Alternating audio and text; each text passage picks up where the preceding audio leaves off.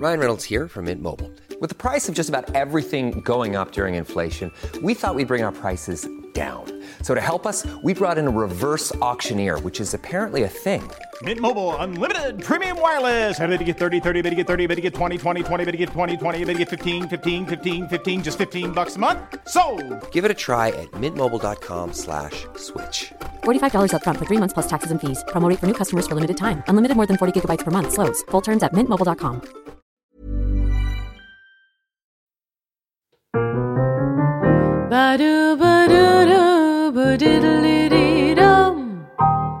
Burleskpodden och vår samarbetspartner Passion of Sweden sponsrar i år Oktoberfest med fina priser ur Passion of Swedens unika sortiment av sexleksaker och underkläder till vinnarna i tävlingen Tassel Twirl. Tävlingen är en del av Stockholm Burlesque Festival 2017. Är du nyfiken på vilka priserna kan vara och är du sugen på att botanisera bland ett stort utbud av sexleksaker och underkläder går du in på passionofsweden.se. Kära lyssnare, kollegor, älskare och vänner. Välkomna till Burlesque-podden. Vi sitter på Custom Music Productions. Jag heter Aurora Brännström och det är Andreas Hedberg som står för ljud och redigering. Precis som vanligt. Today, I have a guest here uh, who's gonna make me try to speak English. I'll do my best. It's the John-Paul Bichard, who is an artist, photographer, and a burlesque producer. Warm welcome. Thank you. Hi. So glad to have you here. You actually do a lot of things and you have a great experience from the burlesque world, both in Sweden but also abroad from a lot of countries. Would you like to, to tell me and the listeners uh, a little about you and what you do for Yeah. a living? If we start with the burlesque, which Yeah. is uh, where I, I met uh, Frauke eight years ago, my, my wife, Fräulein Frauke, my wife. Yes. And uh, essentially we work together under the kind of Bichard Studios brand. So we're running the Stockholm Burlesque Festival and Fräulein Frauke Presents and more kind of diffusion events as well. But um, part of what we do is uh, to you know, visit Europe and the States, and uh, I'll photograph at, a, at an event, and Yeah. um, and she'll perform. So we kind of try to mix things in so that we're always uh, like busy and always kind of got a cra- something crazy going on. yeah?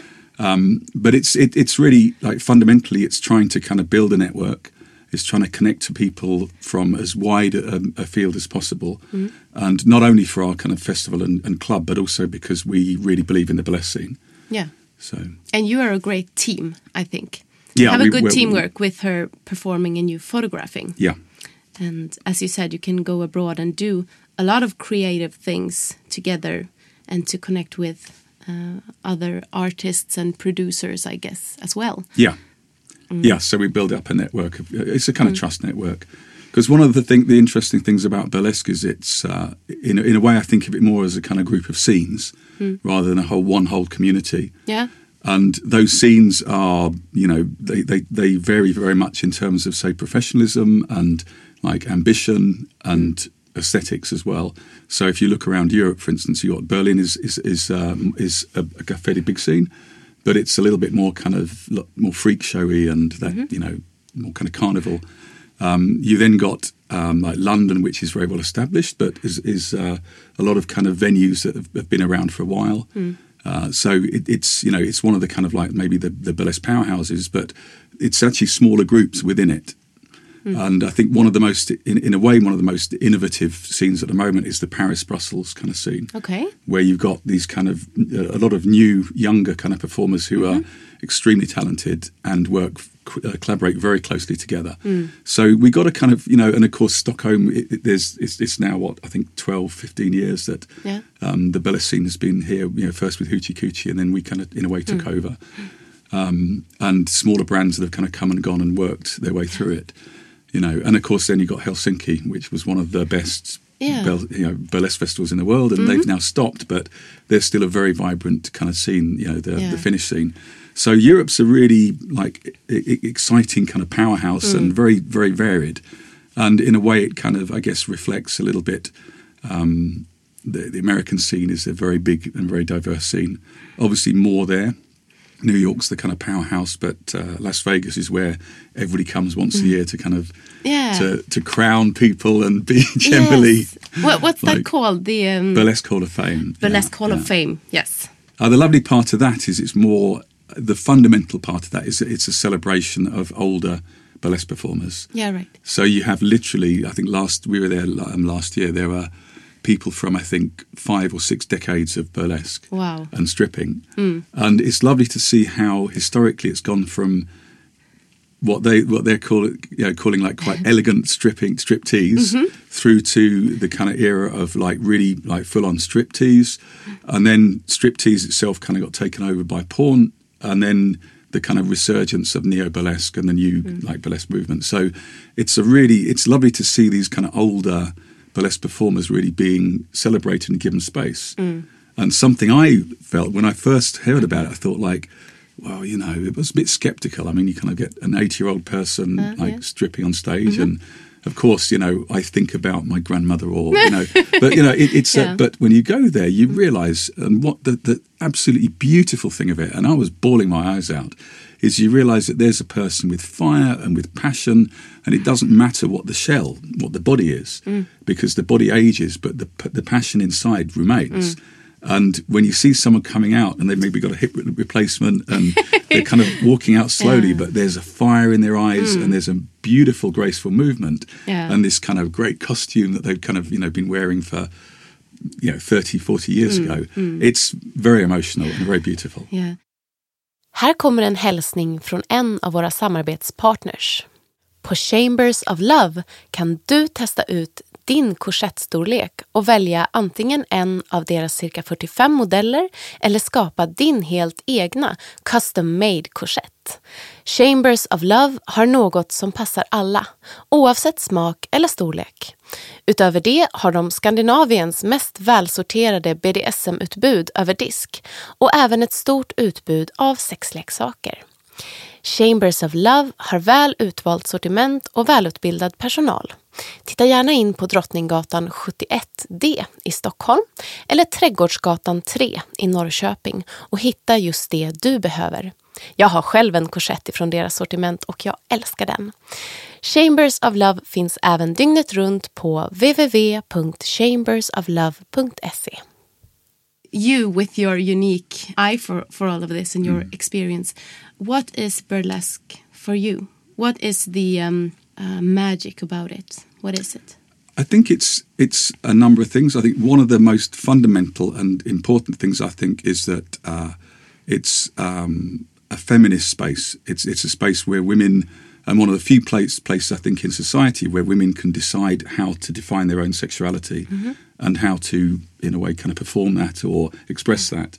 So one thing I thought initially was that you know it's about non-objectifying women, but it's not. It's about mm. women choosing whether or not to objectify themselves and how they do that. Yes. And I think that's so fundamentally different from society wanting to kind of own and label and kind of stamp what women are and what their mm. sexuality is. Mm. So that for me is a really important. It's one of the big motivators I think that I that I have, and I call myself a feminist, but I'm a very like a back. I, I would never wear a T-shirt saying this is a feminist. I think it's it's. I, I get a little bit suspicious when guys do that because it just feels like you know I'd prefer to do actually do stuff through my actions and support through my actions. So the last eight years since meeting Frauke and working with her and uh, uh, developing our brand has been very much about taking a more of a back role to Okay. a woman. You know, which I think is if more men did that, then we'd have a kind of better society. You know. Yeah. Um, I think the aesthetics I love. I mean, when you've got people who are kind of crazy, they are nuts. burlesque performers, really good burlesque performers, are nuts. Yeah. and they'll spend all their time, you know, developing new ideas and costumes and narratives and whether it's feathers or other kind of crazy props and things. Um, what I love about that is, as a photographer, is I can approach someone and find a venue or a location that I think will work, and then we just kind of collide the two. You know, the, this really crazy alter ego and uh, a, a wild location, and we get some kind of magic happening. And it's a series I've been doing for several years called Exquisite Identities, which is Yes. about essentially literally that. You know, Mm, that was identities that are exactly what I was thinking Yeah. about. yeah, yeah. Yeah. And there have been some crazy shoots, like um, one of the big stars internationally, Lada Red, Red Star. Uh, she's an amazing uh, performer from former Yugoslavia. Mm-hmm. And uh, she has these crazy costumes, like it has a dove built into this huge headdress and beautiful, almost like Dior, like vintage, you know, kind of Mm-hmm. haute, haute couture, like, you know, corset. And, and underneath these beautiful blood red, like crystals, because the whole piece is about the, the Yugoslavian conflict Mm-hmm. and about, so you got this beautiful, like gorgeous, sumptuous dress, but it's about a really serious, um, you know, crisis in, her- in her history Okay. When her family were kind of displaced and people, a lot of people she knew were killed. And Mm. you know, so in Europe in our time, you had um, a, a really harsh civil war. Mm. And I love this thing that in burlesque you can you know you can collide very serious social issues with a beautiful, frivolous, you know, bubbly kind of Mm. you know. So it's it's a nice tension. But we decided we shoot just north of um, Berlin in a an old asylum from Okay. the kind of the I think the Victorian time, but then ah. also from the Cold War era. All right. And we kind of get there, and there's all these signs saying that there's guards and dogs, and there's barbed wire around it, and mm-hmm, mm-hmm. we were a little bit like we weren't really expecting that. and then we, then you kind of think, well, now that's bullshit. Hmm. So we kind of climb over and throw all the all the all the you know the equipment and the lights and stuff over. And sure enough, it was like winter, so it was really cold. There's light dusting of snow, and there's dog prints and, and footprints. So there are guards patrolling it. Oh yeah. Okay. And we're thinking, like, okay, so we kind of go in, you know, we're tiptoeing around this old broken down asylum, and Mm-hmm. and uh, and every time you hear a noise, we're just completely silent, you know. and the wind's whistling through, and it's like it's minus two, but it feels like minus five, you know. Mm-hmm. And then she puts on this beautiful costume, and it's it, that was amazing because when you look at the pictures, it's like. It was a beautiful day of like 20 degrees, and Mm-hmm. Yeah. she's there taking her time. And the reality was, it was like stressful. we, were, we were trying to hide from the guards. It was cold as hell, so she had to put a sleeping bag on and then like. And, and this is what I love. There's a kind of adventure in burlesque, and there's a sense of I think the the really good I think the really good burlesque performers are uh, you just feel like they'll go for anything. They'll dive off the edge of something Okay. and, and fly. And they'll Yeah. keep flying, and they'll keep trying to find something which is quite special, and that I really, really enjoy, like working with. You know, So you, you like burlesque because it's crazy and adventurous, and also because we can play with uh, politics and feminism. Yeah. Yeah. yeah, absolutely. And and you as a photographer, uh, when did you find burlesque? Well- Has it been something part of your work all the time? No, or- no, In fact, if I give, give a very, very brief or very quick history, you know, I, I graduated from St Martin's Art School, Art School in London in 1991, which was in Soho, which was amazing melting pot of ideas. Um, I then started up a, um, an artist book publishing company and used to make artist books and sculptures, and was quite successful. I sold works to the Museum of Modern Art in New York and Victoria and Albert Museum and the Tate Gallery and Melbourne National Library, or whatever. So I was kind of doing very well, but I hmm. got to the point when it wasn't enough for me, Okay. and the institution kind of owned my work, and I didn't hmm. really believe in the institution, you know, hmm, the art institution. So then I started doing uh, for several years up until about 2004. I was doing installation work, and that was based around forensics and video games and kind of male violence. So I was actually trying to explore what male violence was because I've always been terrified of it. And so there was a kind of, and that was, you know, like shows in Lisbon, in Portugal, uh, in Spain, and in the States. And I typically turn up three days beforehand, you know, to do the show I'd been commissioned to do that I'd been working on for six months and then throw everything away and start from scratch. Okay. So in three days, I'd kind of make a new show. And I loved that spontaneity. Mm-hmm. And it was like kind of performance. And I did perform once, but I'm not such a performer I was gonna ask you about yeah, that. but, but, but, but th- that's the thing is it's mm-hmm. it's about trying to find uh, a, a, a really beautiful kind of space, which is like you're kind of floating or you're flying, mm. and you're not really aware of anything else apart from, you know, maybe five o'clock Saturday, I'm going to land a seven four seven on an aircraft carrier, and it's going to happen. You know, so you set yourself a very big ambition, and you have the faith in yourself that you're going to achieve it, and you just literally that's it. Everything is focused on that. And there's a beauty in that, you know, which I actually now see in performance, where hmm. someone can prepare for months or years, and then hmm. they'll go out on that stage, and within four minutes, they've had to deliver this amazing hmm. kind of thing. You know, and then eight years ago, I went to a burlesque club, which I was like, yeah, sure, I'll go along, and a little, you know, like uh, underground club in South Sweden, South Stockholm, and uh, saw this cool woman, Fräulein Frauke, performing, and So that's where you That's where opened your eyes yeah. uh, at burlesque. yeah, Okay. I mean, I'd been to Hoochie Coochie a couple of Oh, times see, beforehand. yeah. But what w- the difference was, Hoochie Coochie was really cool in Kägelbanan and very neo burlesque, but it was more like um, not mainstream, but it, it, it was it was uh, more of a club. Mm. And you go went I went down to like it was called Pluto, Yes. and it was this little dark, you know, felt a little bit like bit kind of like 1930s, you know, 30s Berlin, Mm. or and people were smoking, and it was all really rough, and and then the performers came on, and I was just like, this is wild. I mean, this is not not anything I'd seen in Stockholm before. Mm-hmm. Um, and then we we kind of hooked up to to do a shoot, and that was really nice. But it was just very much like, yeah, that's cool. We did a shoot, and then we went to I went to Hoochie Coochie again, and one night, and this woman, Fräulein Frauke, came up afterwards with her friends, and she's like. I hear you have lots of good, cool parties. We'll have an after party at yours. And I'm like, yeah, sure, whatever. and the funny thing was, is that that was it. We just kind of met and collided, and we never stopped since. So I literally I started going along. You know, the first hmm. few clubs I was just going along and doing a little bit of photography, and Yeah. but then it, you know, and helping out, and then we just realised that it was kind of two two heads are better than one. Hmm. And when six years ago we we moved into the big Nalen, and hmm. that was scary. I mean, going from like 200, 200 people to like 700 or 600. I think the first show was 450, but you know, it's it's a big financial risk, Yeah. and all of our everything we do is our own hmm. funding. I mean, we don't get any external funding, but you know, so from that point onwards, then we really were like kind of flying and hmm. you know building a kind of a very substantial international brand. Hmm.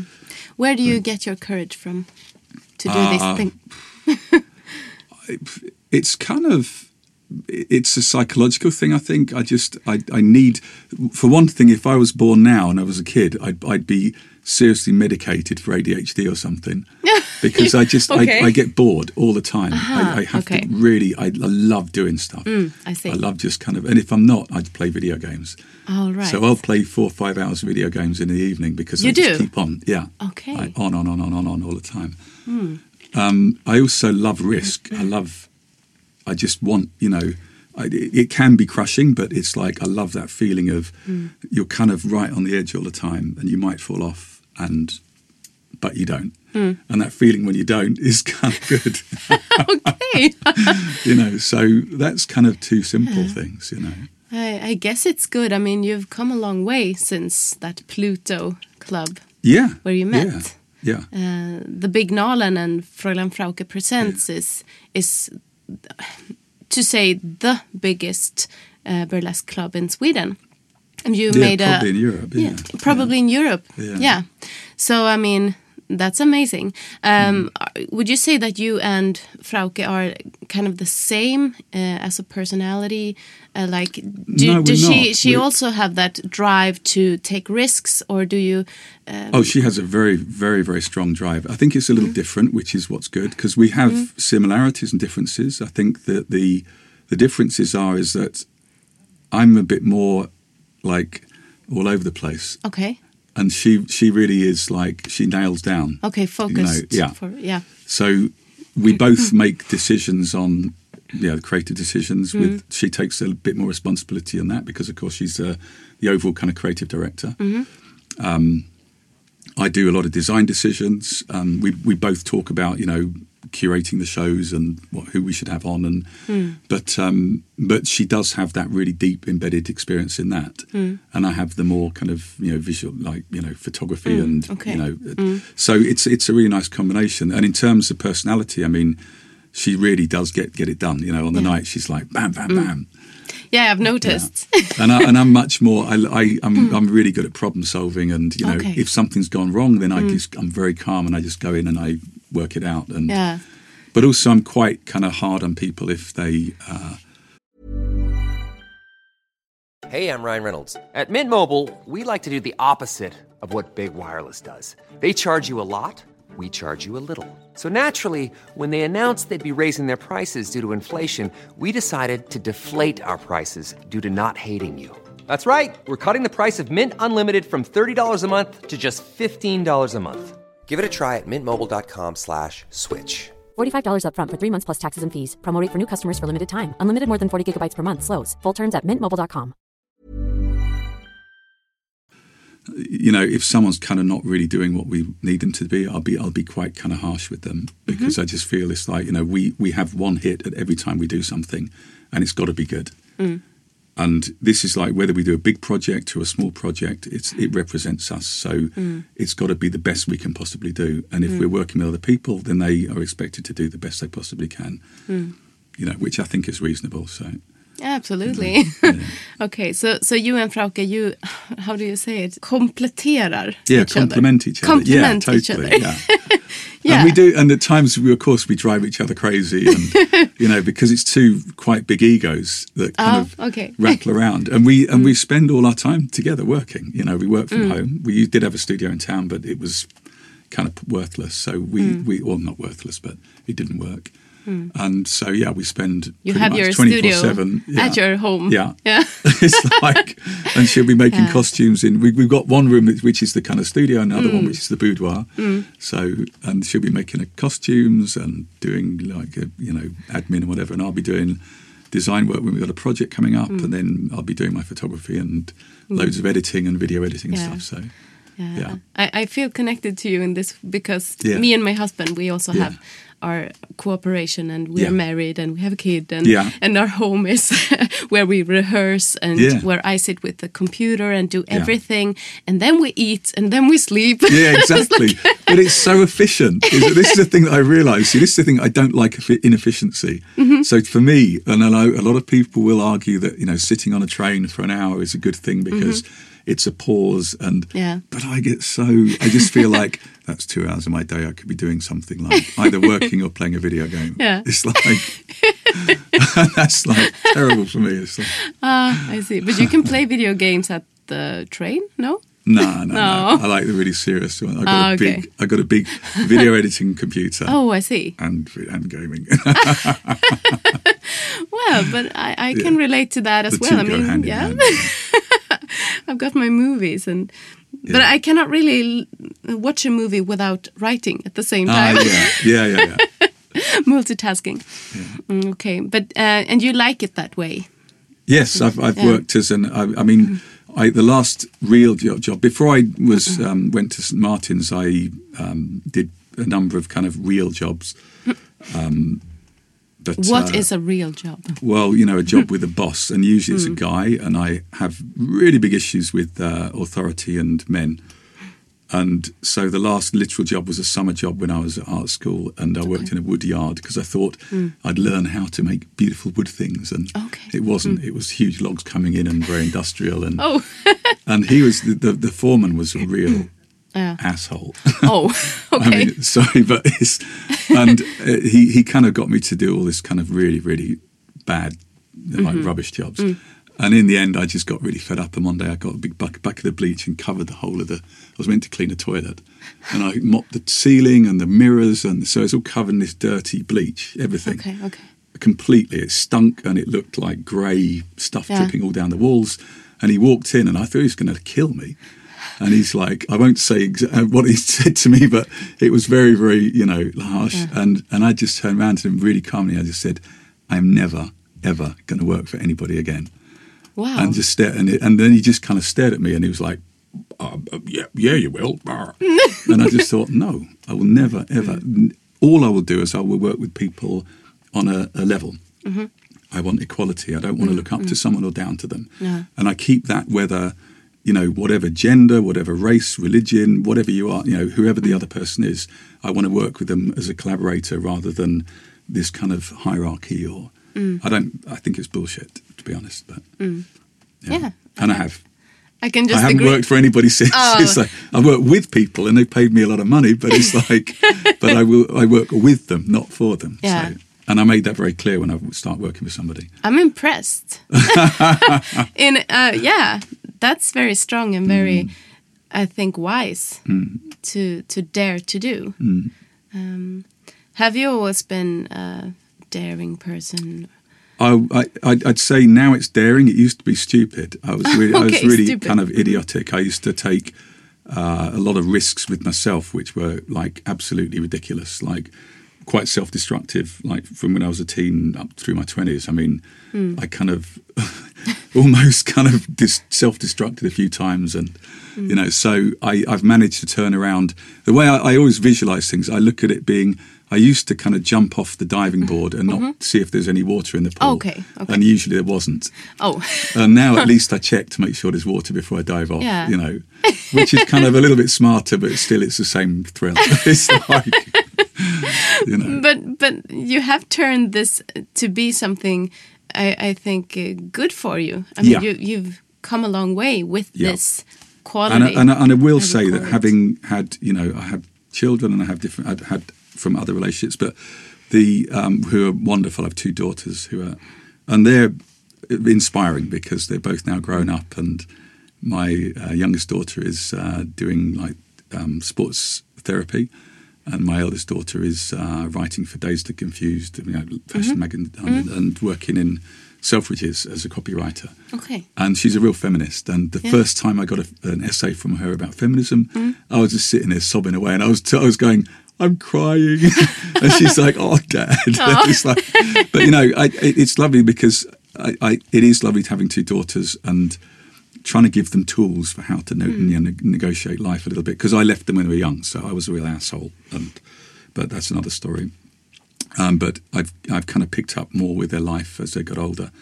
And um, but, but what I was going to say, go on from that, is that really for me, I think one of the big things in my life was meeting Frauke, and we kind of give each other permission to be who we really needed to be. And I think that's one of the very very like important things is that. I, I think before that I'd, I'd spent time on my own and you know had kind of defined myself in a way, mm-hmm. but was quite raw even at the age of forty five. You know, I mean, Okay. it took me mm. that long to actually really find who I mm. was. Um, but then with her, I, I, I feel that you know we, we give each other this amazing p- permission mm. to just be ourselves, and it's it's not always profound, it's not always like dramatic, but there's an underlying feeling that what we're doing is kind of wherever we're heading is right. Yeah.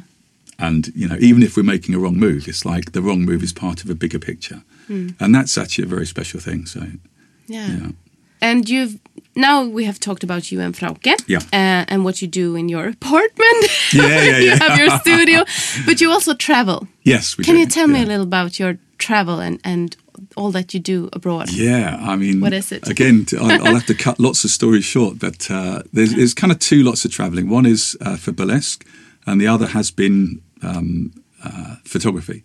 So for burlesque, we'll go to a lot of the festivals because uh, Frauke performs at the festivals, and I'll be commissioned to shoot them because I love live shooting.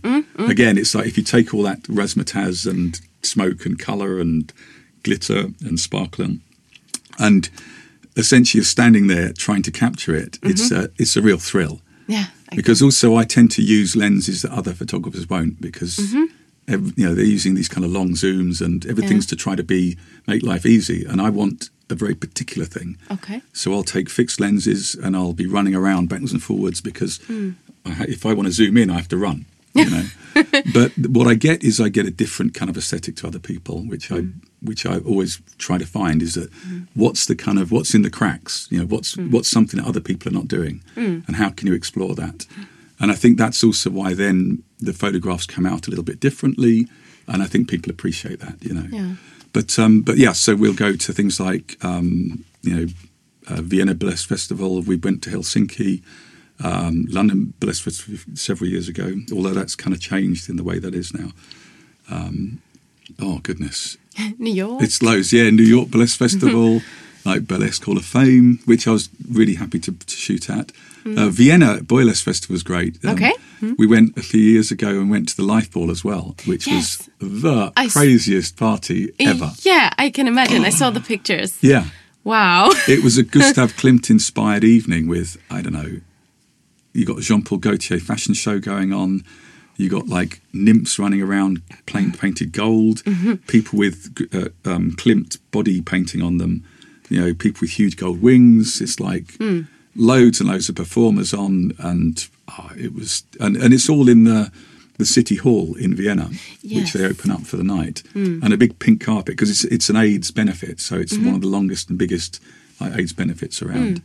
And so you actually walk down on the. I nearly got thrown off three times because Okay. I got really carried away. You know, that's the thing. I can't stop. So I'm running up and down the pink carpet, photographing people. Yeah. And I think it was Gloria Estefan was like with Sina King, who's a friend of ours, and they're, and they're like photo opportunities. So I kind of grabbed them before they could reach the press, and and then, the, the, then I'm meant to be kind of behind the press thing, but I was like, I'm I'm with the performers. It's like, and it's you know that's the thing, and mm. and and, and a, a typical thing was you know everybody's there mm-hmm. photographing away from this beautiful building mm. because the lights are facing up the red carpet.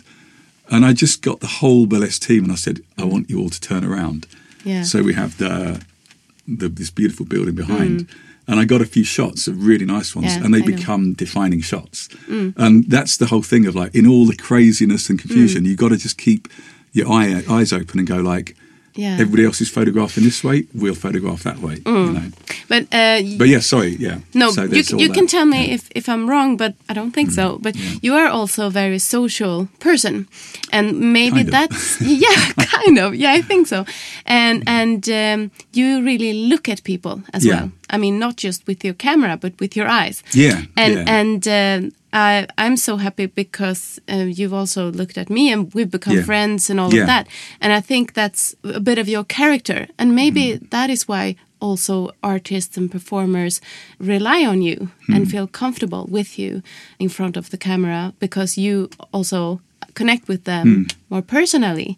So as you said now, I'm with the artist. Yeah, maybe you are. And and Yeah. From what I've seen on internet and Facebook, uh, you also get to be friends with Yeah, the ones yeah. that you photograph. Yeah, which is Yeah. Mm. why I love the production side of it as well, because you know we've had some of the best performers in the world staying in a flat, you know, Mm. and they become friends. Yeah. And uh, you know, it's kind of magic. It's like people like actually one person has been like quite really quite special, or actually lots of them have been. But Mm. um, people like Imogen Kelly was really lovely because Mm-hmm. I mean she is this big kind of you know superstar and everything. Mm. But also she's a very very strong woman. She's a very and she's got these fascinating stories, Mm. and not just about you know all the stuff she's done, but about her own vulnerability and herself. You know, Mm-hmm. and it's Mm. really lovely when someone kind of starts talking about kind of who they are and what their fears are, and Yeah. That's a really like quite special. And you know, Luminous Pariah we've had over, and uh, Chris Harder, he's fantastic. he's just brilliant. I mean, he's Yeah. he's going to be at the next festival, and he's one of those people that's like uh, I, I- I've got so much admiration. I mean, he did have his own porn production company, but he's essentially a kind of uh, a burlesque performer, a porn star, and um, a theatre like producer uh, actor as well. And all of the things he, all those things he does, he does with great passion and Yeah.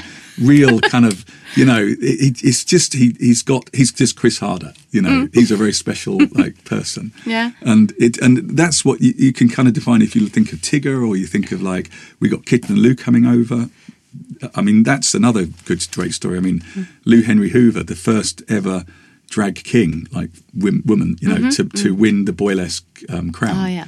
And again, it's that thing of like, it's people who want to keep questioning the borders and questioning the, you know, the little fences when the boxes we're given and we're told to be in.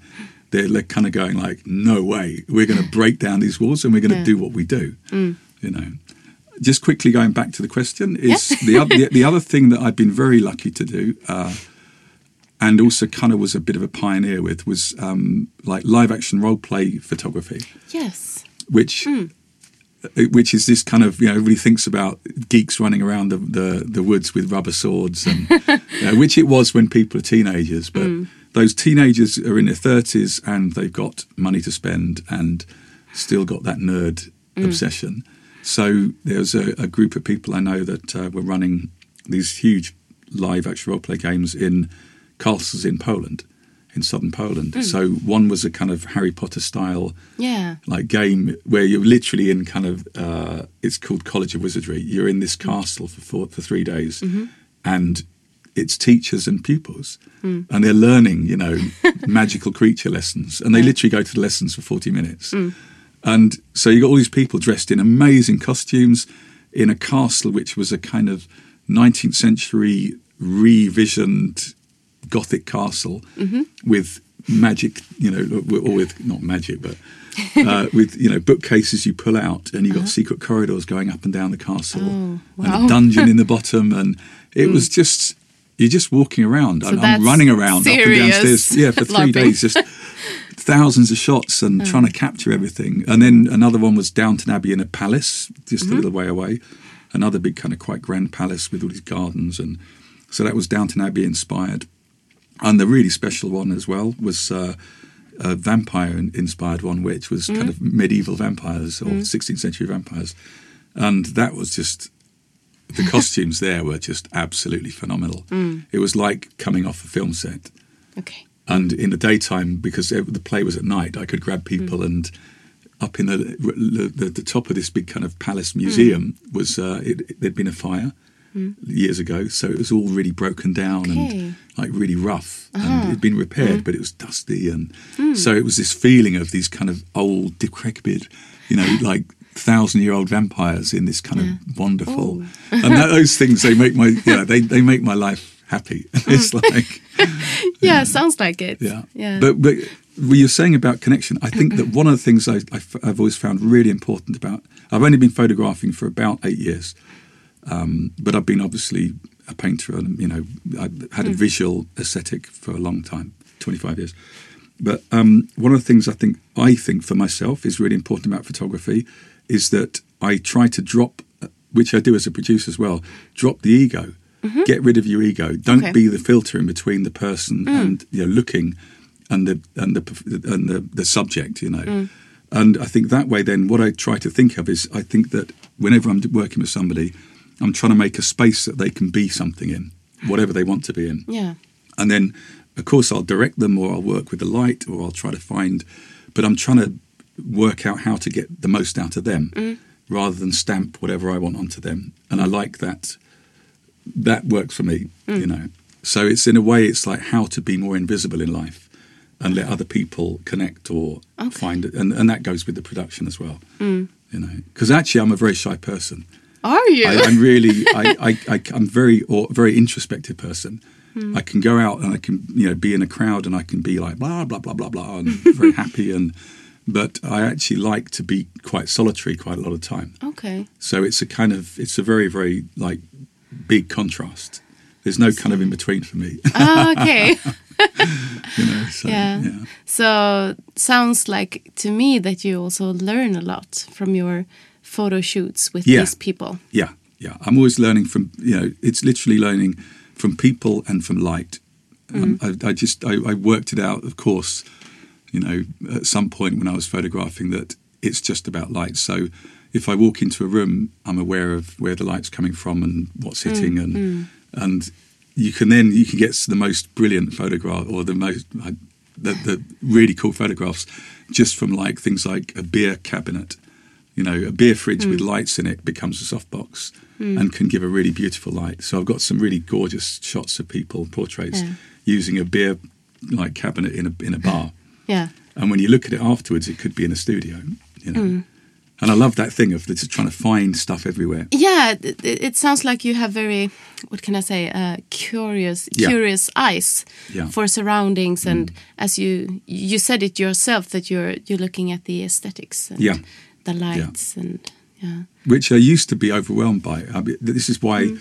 I did a lot of things like play video games. And it, it, for me, it's a way of pushing off because if you imagine walking on the road and everything's coming in, mm. everything all the time, yeah, and it just gets to be like you know you have to try to find somewhere to focus. Mm-hmm. And what's really nice about photography is that I can kind of uh, I literally have a little window to look through. Mm. Yeah, and I can close off a lot, and I can just go like, Mm. "That's what I'm looking at," and that's and then and then you can be very, like, I can be very free, yeah. you know.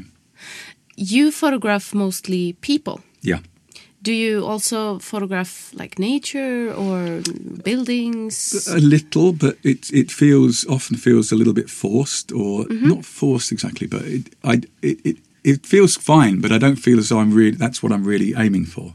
I see. You know, I can wander out and I think like, oh my god, look at that landscape, and then I'll mm. take a photograph, and I'm often disappointed when I get back because Okay. what I don't have, I think, which is what I believe I, I, I, I, I look at a lot of landscape photography. I think you have to have another relationship with photography and with time Okay. to do landscape photography. Time. What do you mean? Yeah, because there's a kind of patience involved. Mm. Uh, you know, a landscape photographer will literally kind of get up at five o'clock every Mm. morning for because you see these beautiful shots where you go, Yeah. how lucky is that? You're walking along and you go, what you realise is maybe for three weeks or two weeks they were kind of going back to the same spot at Mm. Yes. five o'clock in the morning and getting cold and getting a few shots, and then one morning the light is kind of perfect. Mm. And then they've spent all that time getting to know where the best spot is and what the kind of form is and Mm. Yeah. the relationship of the Yeah, that's a different Yeah. way to work. it is. It, It's it's a very uh, methodical way, and I, I think it's beautiful. I mean, landscape photography is uh, superb. Hmm. You know, and I would love to have the patience, but I don't really have that kind of patience. Hmm. You know, But I saw uh, that was a few years ago. You had an um, you worked together with an with an artist. Yes, uh, yeah. and you. Uh, I didn't see this, and I'm so sorry about it. No, that's cool, But yeah. but um, I saw it on Facebook later, and it was was really interesting how you have mixed her art with your photography. yeah. It- Can you tell me a little about that? Because it was really interesting. Yeah, I can. Her, her name's Eva Troy, and she's uh, she's a really talented um, painter. Um, originally from Bulgaria, and then living in Sweden, and now living in England. But um, she went to a very traditional, like kind of communist um, art academy when she was when she was quite young, and learnt very very kind of traditional painting, like you know figure painting and figure drawing, and landscape painting, and so she's got this kind of really strong and quite enduring vocabulary of how to paint. And what she decided at some point was that she'd start collaging, and because she likes kind of the she she used to, she actually ran a club and she likes the music industry and um, so she kind of combined in a way in a very eclectic way you know pop cultural icons and traditional painting and then we just started talking and she asked if I'd want to be interested in working with her and I mm. was I, I'm usually very skeptical about that because like I said earlier I, I want someone else to have the same ambition and the same it's mm-hmm, very mm-hmm. hard to find people with a similar ambition. Yeah. Um, but we just kind of talked a few times, yeah, a little bit about it, and we both had a very strong idea of. Um, we wanted to actually explore what the male gaze was, mm-hmm. because the male gaze comes up all the time in you know art criticism and Yeah. in, and I think it's what we under what we worked out in the end was I think it's a little bit misunderstood. But anyway, we'll come back to that. But so we just started working together, and the process was was that I would photograph people that I knew in the nude, so which was for me a first because I've hmm. not really worked with with actual nudes. I hmm. mean, of course, people who were kind of you know in lingerie and hmm. and it was really weird because the first time someone came in, I'm just like. What am I going to do? They haven't got a costume on, and it's like, oh my god, you know. and it was kind of funny. It was a little bit like, just felt a bit like, oh, um, big blank space, and then you kind of hmm. go, hmm. but this is great because I love big blank blank spaces. Hmm. So I started to get people to kind of to it looked like you know, like in a Renaissance painting, someone doing something. Okay. Like so, I'd, mm-hmm. I'd get a few props like a wooden pole and a big, you know, a bucket full of sand or whatever. So I get people to do so. It, they- they're lit beautifully and lit in a very kind of Renaissance way, which I like. But they were kind of doing something which could fit into a painting, mm-hmm. but not a specific story. So I'd just do. Mm-hmm. I'd, I'd have in my mind something, Okay. and then I'd kind of get the person to be quite kind of bold in their actions, mm-hmm. and then I'd just send them off to Eva, and she'd kind of ah. work on it, and then she'd send them back, and we'd do a bit more, you know, backs and forwards with the mm, collaging. Mm. But what I also found, which was really interesting, and this was something that I never thought about, was that it's to do with the difference between men and, and women when they're naked, is that when a man is naked, he's got a cock, and you can see it. Yeah. It's like it's kind of obvious. It's there, you know Yes. when a woman if when usually when women are kind of are naked they're more like um, concealed and if you do actually see their genitalia then it's like often in things like pornography mm. and it's about revelation. Mm. So the man in a way is about just being naturally like i'm here and i'm standing out. And the woman is like well i choose to reveal myself or not. Mm. And what i decided was that i'd have a very strong strategy of getting the women to be in poses which would be very revealing if it was from another position. Mm-hmm. So what the, then there's a kind of uh, in, in a way there's a freedom You don't have to be kind of covered all the time. But the viewer never actually gets to see the, the picture as a kind of as either kind of you know the the tropes or the ways that pornography is kind of is is uh, is formed and Yeah. is and is consumed. So what I wanted, I, I wanted women to be powerful and to have like non-typical uh, like poses, but I didn't want the, the viewer to have the power. I wanted see. the, the model to have the power, and that was hmm. actually. And then we started to realizing the male gaze. It, it, it's both men and women can Yeah. have the male gaze. It's about ownership, mm-hmm. and I think uh, you know it, it's about a, an ownership of a woman in a very particular way. Yeah. And so we kind of that was a really nice outcome of it. We don't work together at the moment uh, because we also found that our working methods were slightly different, and Okay. we did some beautiful work together. But then it came to the point when we just hmm. decided that that was it. We'd done the kind Yeah. of like the collaboration, and hmm. And I'm very very fond memories of it because she's great mm. and. She's now very successful. I mean, she's doing like her kind of works mm. in England and But that question, like, what is the male gaze, mm. and and um, what are you showing of your own body, Yeah. and so on, is is is actually connecting to one of the first things you said when you came here uh, with um, burlesque and Hmm. Yeah. Hmm. feminism and and what it's all about. Yeah. Uh, so yeah, this is really interesting to hear you talk about it. So yeah, and the male gaze, that is interesting. What is it? Why do we talk about it all the time? The because we live in a patriarchal society and men are real fucking egotists. It's like, I mean, t- to be simple, it is. I mm, think that mm. you know, and as a man, I mean, I'm a, I am a guy, and mm. I and I get it, but I've also tried to kind of you know, and I've been a real asshole in my life as well, and I understand that, and I've tried to work very very strongly with that, because you know it does take time. You you have to. I think at some point, kind of reconcile yourself and say, okay, I've made really big mistakes and I've been, you know, like a jerk, and I have to try to own that mm. and move on from it. And part of that is to unpick yourself. But, it, but in unpicking mm. yourself as a man, you have to say, well, you know, what is a man in society? Mm. And we're given all these kind of permissions as a, as a guy. You're given, but you're also given a lot of kind of roles or expectations that you don't necessarily want, but you feel as though you're kind of obliged to take them and to run with them. And then you wonder why everything goes to shit because you didn't really actually have the, either the responsibility or the desire to actually be that. And I think this is one of the things that makes uh, masculinity quite toxic is Yeah. that men themselves have a problem with being men. I think. I mean, it's very judgmental, but I think I think it is. Oh yeah, I really believe that. probably. And then, of course, women who, who get given all this kind of shit by men, f- um, they not only have to kind of, in a way, pick up themselves, but they have to work with ma- you know, men failing. Mm-hmm. So it's a kind of, and what, what I think is wonderful at the moment, and a lot of people are criticised in the in the, the the the way that burlesque has changed, but I think it's amazing. I think it's really powerful. Is now a lot of black women in the states or women of colour are taking ownership and really calling people out, mm. and there's you know what that means is that white privilege whether you're a man or woman with white privilege is you have to be aware of that privilege mm. You know that that you get choices. You get also to mm. choose whether or not you feel you've had enough. Mm. Oh you know I, I, I don't think i don't need to talk about this anymore. I think i've kind of talked about racism enough and i've talked about this enough. You can as a white person you can drop it at the end of the day. You can go home and you're just a kind mm. of a person. Yeah. if you're black and you've been all of your life going out and having to kind of wear other people's masks, perform for other people, you know, um, be victimized or be bullied, you know, mm. be be kind of terrorized, then you don't have a choice at the end of the day of just going like, oh, I'll just drop this now and I'll I'll, I'll take a breather.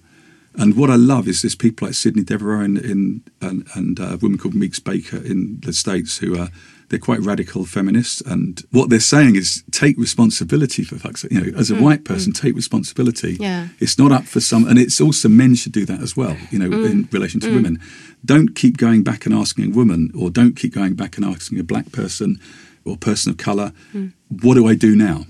Hmm. Look, learn, listen.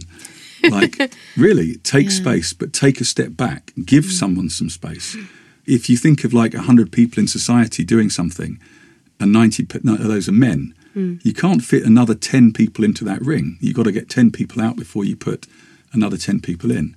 Mm. And if men keep on saying like, "Yeah, we're feminists. We want more women in," Put a T-shirt. and then up. they don't, they don't, they don't get a woman to be the co-director, or they don't mm. kind of stand back and go, well, you be the creative director instead of me. Mm. They kind of go, we'll find you a place. And then it's usually like, you know, maybe a, a, a role that is more a kind of inadvertent commas, a woman's role, which is bullshit.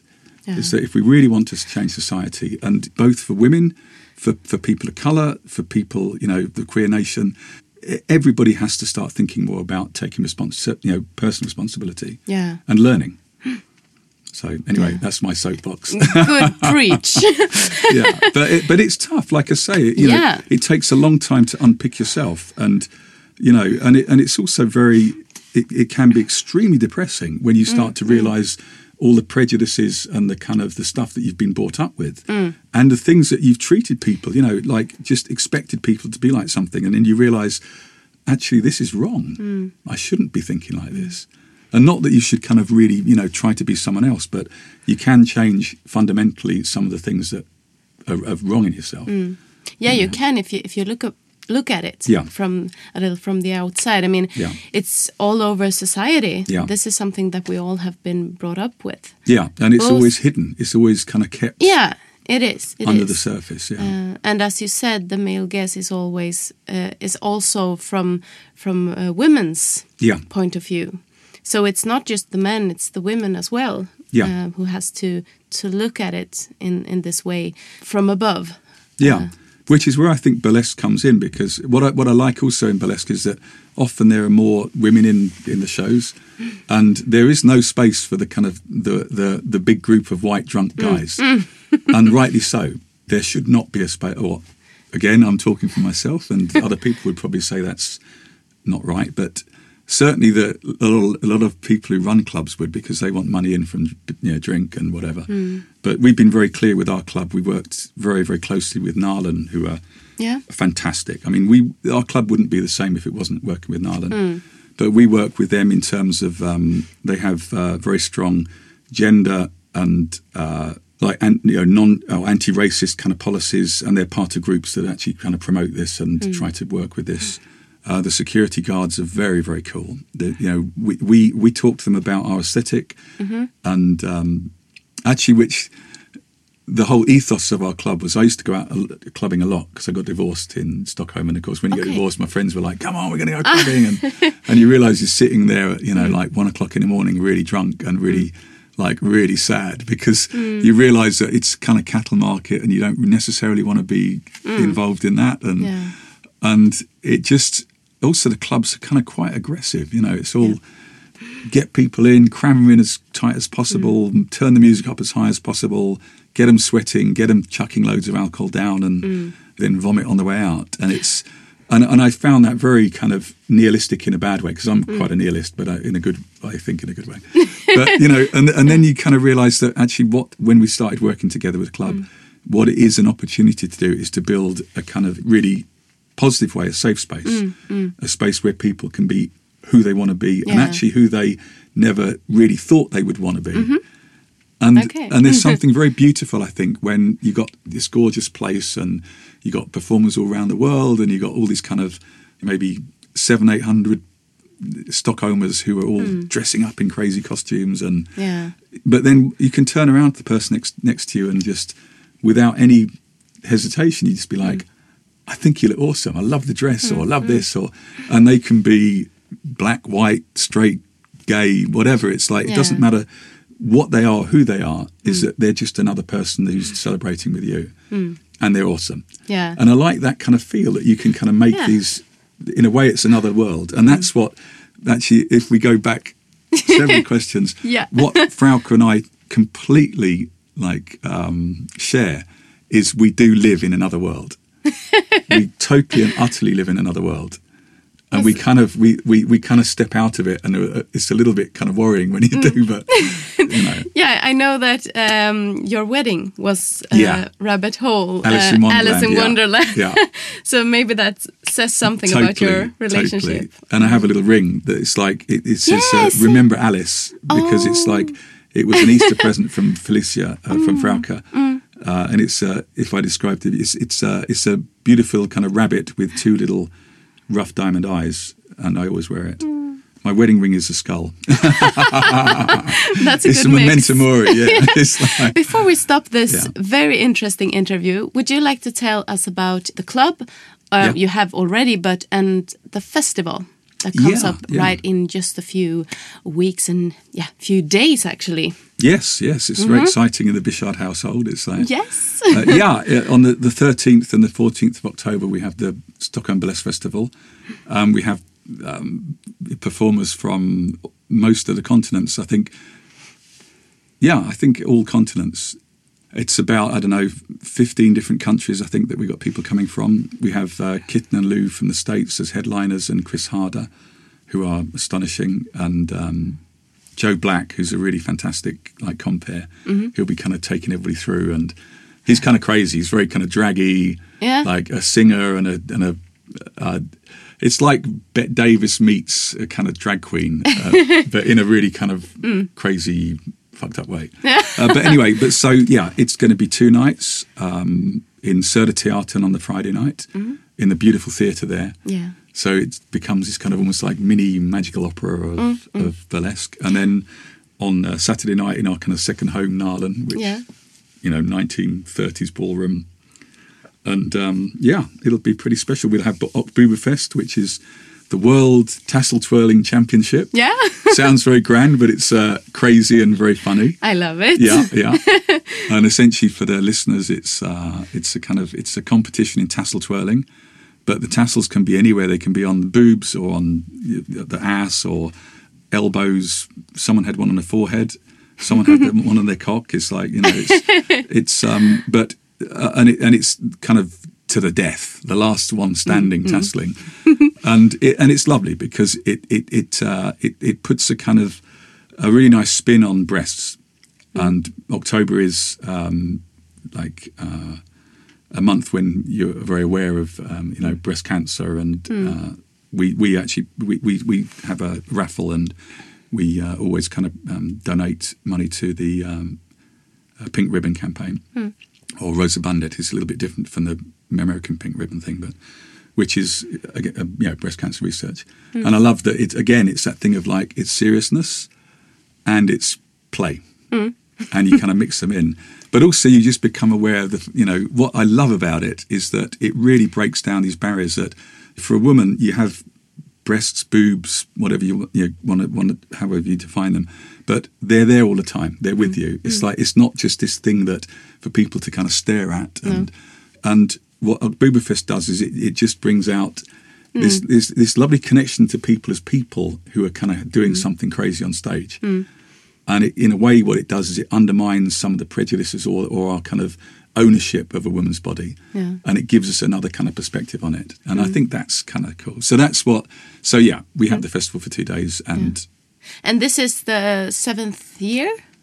Uh, it is. Yeah, It is. We didn't. We weren't involved in the first year, and then there was a mm. break, and then from the the the second festival, we were kind of co-producers, and with uh, the amazing Nika Kittens, who Yeah. started it, and Hedvig, who's uh, Yes. Duchess, Yes. who's one of the one of the amazing people who started up the kind of scene in Stockholm. Yeah.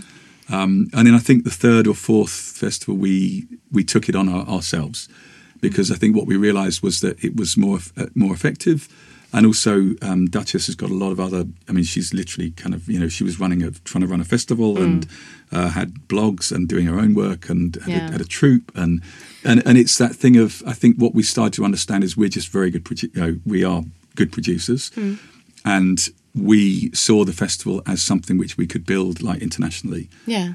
And so we And you really we, did. we run with it yeah. And, Yeah. and now we we have great people over and we got a good reputation for it so Do you have any uh, festival memory you'd like to share?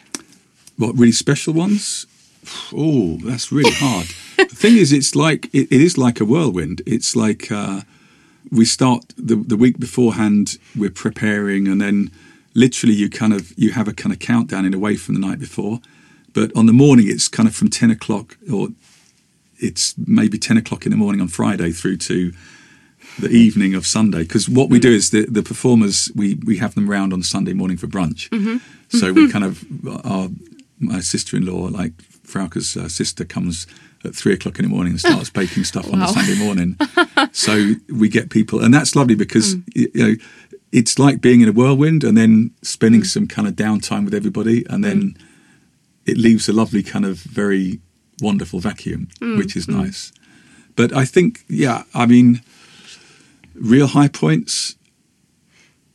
Oh God, there's too many. There's way too many. But I mean, I think last year actually was was uh, there was something very special happened with. Um, and both nights were very good, but the last five uh, acts, one of the nights were there's a woman from Paris called Carolina Ramirez, and we had Durovilla, who are this um, Swedish contortion team. And there was just something kind of happened, and this is it, what I love about live performance is sometimes it's like lighting a firework, mm-hmm. and you think you have one firework, and then a whole firework display goes off, Okay. and mm. you're like you just sit there, and as a producer, you're there going like, kind of usually in tears, kind of going, oh wow, oh wow, oh wow, and it just takes off, and it becomes something that by the end of it, you just feel, hmm. you'd think you'd feel exhausted, but you don't. You feel completely filled up hmm. with this energy and this kind of magic, you Yeah. know, whatever. So hmm. And I do understand this is just one of your many, many uh, memories from from the Yeah. festival and your club as well. I mean, you have Yeah. international guests. I could talk for hours about yeah, it. Yeah, I, I, I see that. but I won't. No, like- the thing is that we have to stop. yeah, I mean, but this if- is great. I don't want to stop. but uh, John Paul Bichard, thank you so much for being here and sharing all your happiness and your experience and knowledge. Well, thank you for inviting me. Yeah. Thank you. och mina kära följare, vi hörs igen om två veckor. Tack för att ni har lyssnat. På Chambers of Love kan du testa ut din korsettstorlek och välja antingen en av deras cirka 45 modeller eller skapa din helt egna custom made korsett. Chambers of Love har något som passar alla, oavsett smak eller storlek. Utöver det har de Skandinaviens mest välsorterade BDSM-utbud över disk och även ett stort utbud av sexleksaker. Chambers of Love har väl utvalt sortiment och välutbildad personal. Titta gärna in på Drottninggatan 71D i Stockholm eller Trädgårdsgatan 3 i Norrköping och hitta just det du behöver. Jag har själv en korsett ifrån deras sortiment och jag älskar den. Chambers of Love finns även dygnet runt på www.chambersoflove.se. Burleskpodden och vår samarbetspartner Passion of Sweden sponsrar i år Oktoberfest med fina priser ur Passion of Swedens unika sortiment av sexleksaker och underkläder till vinnarna i tävlingen Tassel Twirl. Tävlingen är en del av Stockholm Burlesque Festival 2017. Är du nyfiken på vilka priserna kan vara och är du sugen på att botanisera bland ett stort utbud av sexleksaker och underkläder går du in på passionofsweden.se.